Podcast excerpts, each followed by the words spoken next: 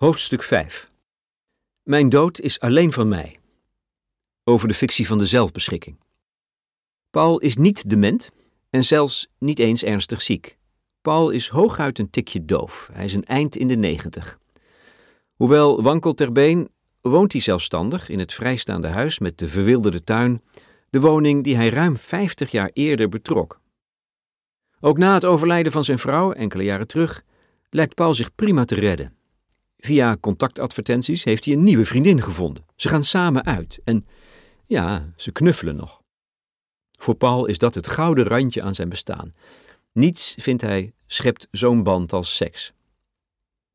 Maar Paul blijft er niet voor leven, vertelt Els van Wijngaarden, onderzoeker aan de Universiteit voor Humanistiek, in haar studie Voltooid Leven.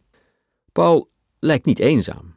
Hij heeft zelfs, en hoeveel mannen van zijn leeftijd zeggen hem dat na, een bevredigend seksleven. Natuurlijk, hij is oud, stokoud en ongelooflijk moe. Zijn werkzame leven is mislukt. Andere mensen zeggen nog wel eens: Mijn leven is voltooid. Ze kunnen terugkijken op iets nuttigs of iets moois. Ik heb niets om op terug te kijken. Ik heb mijn leven verdaan. Paul heeft er een verklaring voor.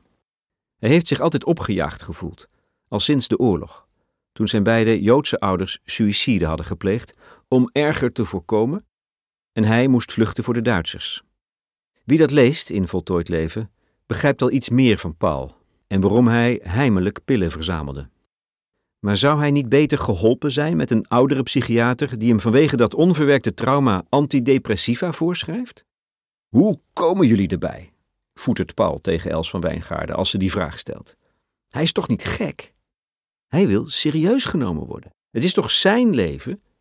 Zijn dood? Hij depressief? Wat denk je? Hoepel op. Het debat over een voltooid levenwet is een light variant van het debat over euthanasie bij dementie.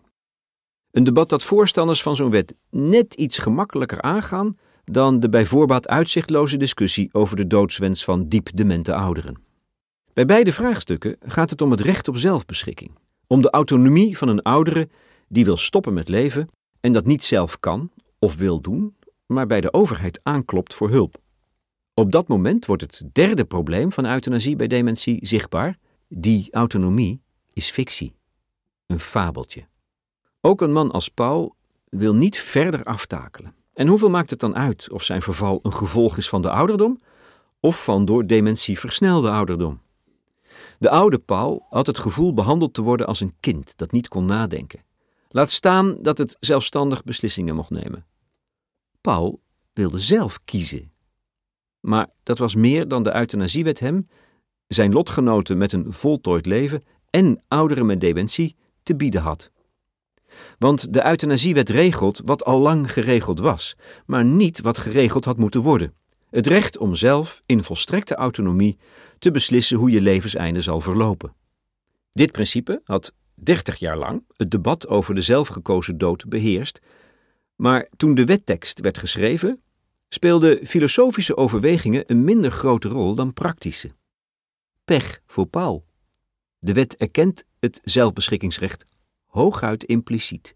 De term komt in de wettekst niet voor. Dat is zo bedoeld. De wet is met opzet zo rekkelijk geformuleerd, met open normen, die vragen om voortschrijdend inzicht. Ethische opvattingen. Wanneer mag je uit barmhartigheid een mens doden? Zijn modegevoelig. In de praktijk, dacht de wetgever, zou wel blijken waar de grenzen liggen. Laat dat, was het idee, maar over aan de toetsingscommissies. Dat wil zeggen aan de artsen, juristen en ethici die in de vijf commissies van de RTE worden benoemd. Niet aan patiënten dus. Zo is de euthanasiewet een wet voor artsen, niet voor patiënten. Niet hun recht op een goede dood is leidend, maar het dilemma van de dokters. Hoe kunnen zij kiezen tussen hun plicht het lijden te verlichten en de plicht het leven te beschermen? En hoe zorgen we ervoor dat artsen niet worden vervolgd, terwijl stervenshulp toch strafbaar blijft? De wet, zeg ik de jurist Esther Pans na, is de technische oplossing voor een praktisch probleem. Niet de principiële wetswijziging waar een man als Paul naar snakte, of het clubje progressieve liberalen dat in 2017 mag meedenken over weer een nieuwe wet. Uit alle hoeken van het land zijn ze naar het dorpshuis van Maarn gekomen. Oud-leraren, een gewezen beroepsmilitair, een antiquair, een raadslid, een gepensioneerde ambassadeur. Terwijl in Den Haag wordt gesleuteld aan een kabinet waaraan hun partij ook moet deelnemen, tellen zij hun knopen. Het gezelschap van twintig ouderen, normaal zijn er ook leden van over de negentig, maar nu toevallig niet, vuurt al jaren het euthanasiedebat aan, schrijft Trouw. Samen vormen ze de themaafdeling Senioren en Samenleving van D66. De partij die als geen andere al decennia pleit voor wat bijna iedereen wil, maar niet heeft. Zelfbeschikking rond het levenseinde. Ze hebben het oor van de fractie. Mede op hun aandringen schreef Tweede Kamerlid Pia Dijkstra een jaar eerder het voorstel voor de wet die stervenshulp mogelijk moet maken voor ouderen die nog gezond zijn, maar klaar met leven. De wet Waardig Levenseinde. Die initiatiefwet gaat sommige leden van de D66-denktank niet ver genoeg. Zij verlangen totale autonomie, terwijl Pia Dijkstra de uiteindelijke beslissing, helpt iemand je sterven als je het leven zat bent, toch weer bij een ander legt. Niet bij een arts, zoals in de euthanasiewet, maar bij een levenseindebegeleider. Een zorgwerker met een kopstudie en een BIG-registratie. Een quasi-arts dus. Dat vinden de D66-leden in Maarn betuttelend.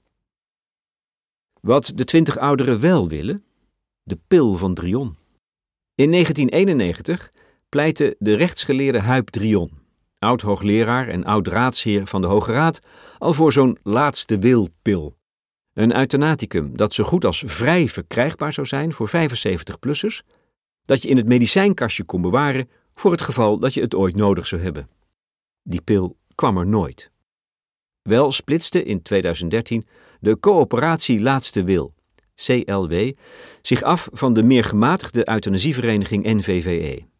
De radicale coöperatie vindt dat ouderen zelf moeten kunnen beslissen wanneer zij klaar zijn met leven, zonder arts of levenseindebegeleider.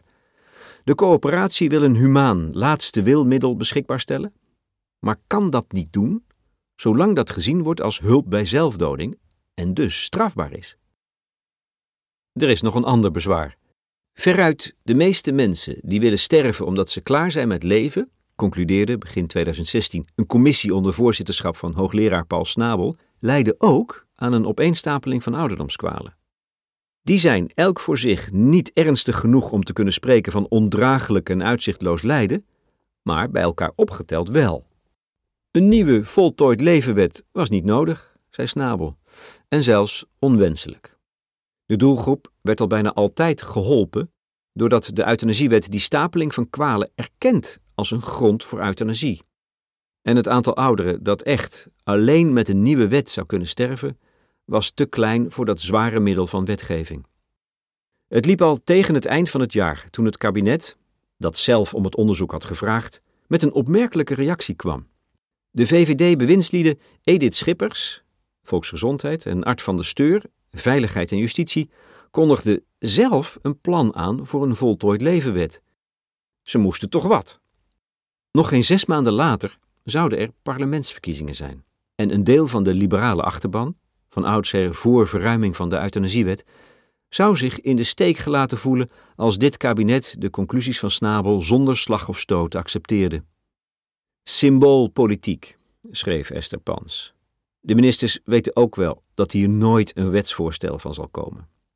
Dat is kwalijk omdat het ouderen hoop geeft. Ouderen die lijden aan het leven. Het kabinetsstandpunt is gratuit, een lege huls. Kort daarna liet de VVD het initiatief aan D66 en publiceerde Pia Dijkstra haar concept-wetsvoorstel. De kans dat die wet wordt aangenomen lijkt voorlopig niet groot. Zeker niet nu VVD en D66, beide voorstander van een liberale euthanasiepraktijk, moeten regeren met het CDA en de ChristenUnie, die ronduit tegen het verder oprekken van de wet zijn. Langer leven betekent ook langer kwakkelen, langer eenzaam zijn en je langer nutteloos voelen. Eenzaamheid, zei Anne Meij T., tegenwoordig hoogleraar langdurige zorg en dementie aan de Universiteit van Amsterdam, is een ontzettend groot probleem. Ik vind dat je je daarover moet buigen als samenleving. Euthanasie lijkt me dan niet de oplossing. We praten elkaar het graf in schreef Rosanne Hertzberger, columnist voor NRC Handelsblad. Als de overheid zelfdoding gaat faciliteren, zullen ouderen dat opvatten als een aansporing. Wie hoogbejaard is en zijn kinderen tot last, zal de druk voelen om ook maar de stervenshulpbegeleider te laten komen. De dood is zo'n makkelijke oplossing, schreef Aleid Truijens, columnist van de Volkskrant, een dag later. Dood willen betekent vaak: ik wil dit leven niet. Dit moet ophouden. Dat oude, zieke mensen, als ze omringd worden met liefde en schoonheid, nog best een tijd willen leven, is niet zo'n onwaarschijnlijke gedachte. Alleen, wie neemt voor hen de moeite? Het aanbod zal de vraag creëren, dacht Truijens. Zo werken dingen, schreef Hertzberger. Natuurlijk is er niets tegen betere zorg voor ouderen. En ja, het zou helpen als we anders met ouderen omgingen, ze niet afschreven, maar serieus namen, ook als ze willen sterven wanneer ze klaar zijn met leven of bang voor de ontluistering die hun te wachten staat. Aleid Truijens kent niemand die wil sterven vanwege een voltooid leven. Ik ken niemand die om euthanasie vroeg omdat doodgaan de norm is geworden. En zelfs al zou een oudere zijn dementie voor willen zijn, louter omdat hij zijn naaste niet wil opzadelen met zijn ziekbed, wie zijn wij om hem dat recht te ontzeggen? Mag hij, alsjeblieft? Dat mag hij best, zeggen critici als Truijens. Doodgaan moet kunnen, maar klopt niet aan bij een loket van de overheid. Alom heerst nu het waanidee dat euthanasie een recht is geworden, een mensenrecht, schreef columnist en PvdA-ideoloog René Cuperes in de Volkskrant. De verzorgingsstaat heeft er maar voor te zorgen, letterlijk van wieg tot graf, van babyhielprik bij het consultatiebureau tot euthanasieprik in de staatslevenseindekliniek. Wat moet Paul dan doen? vroeg ik mij af. Wat moet een stokoude man, die existentieel lijdt, als hij wil sterven? Kan het recht op leven dat de overheid dient te beschermen zo vreed omslaan in een plicht te leven? Moet hij voor de trein springen? Stoppen met eten en drinken? Veel te veel pillen slikken? Een poeder bestellen in China? Of was het Mexico? Een zak over zijn hoofd trekken en half stikken, om nog beroerder wakker te worden uit een mislukte zelfeuthanasie? Waarom zou de staat zijn zelfdoding moeten faciliteren, luidt de tegenvraag van René Cuperes en Aleid Truijens omdat die staat hem ook al die jaren in leven heeft gehouden, denk ik. Paul heeft er niet om gevraagd zo oud te worden. Je kunt hem niet laten opdraaien voor de eenzijdige fixatie van de medische wetenschap op het uitstellen van de dood. Je kunt Paul niet aanrekenen dat wij als samenleving niet kunnen wennen aan het idee dat de dood bij het leven hoort. Omdat die staat hem ook al die jaren in leven heeft gehouden, denk ik. Paul heeft er niet om gevraagd zo oud te worden. Waarom zou de staat zijn zelfdoding moeten faciliteren? luidt de tegenvraag van René Cuperes en Aleid Truijens. Omdat die staat hem ook al die jaren in leven heeft gehouden, denk ik. Paul heeft er niet om gevraagd zo oud te worden. Je kunt hem niet laten opdraaien voor de eenzijdige fixatie van de medische wetenschap op het uitstellen van de dood. Je kunt Paul niet aanrekenen dat wij als samenleving niet kunnen wennen aan het idee dat de dood bij het leven hoort. Dat de dood bij het leven hoort.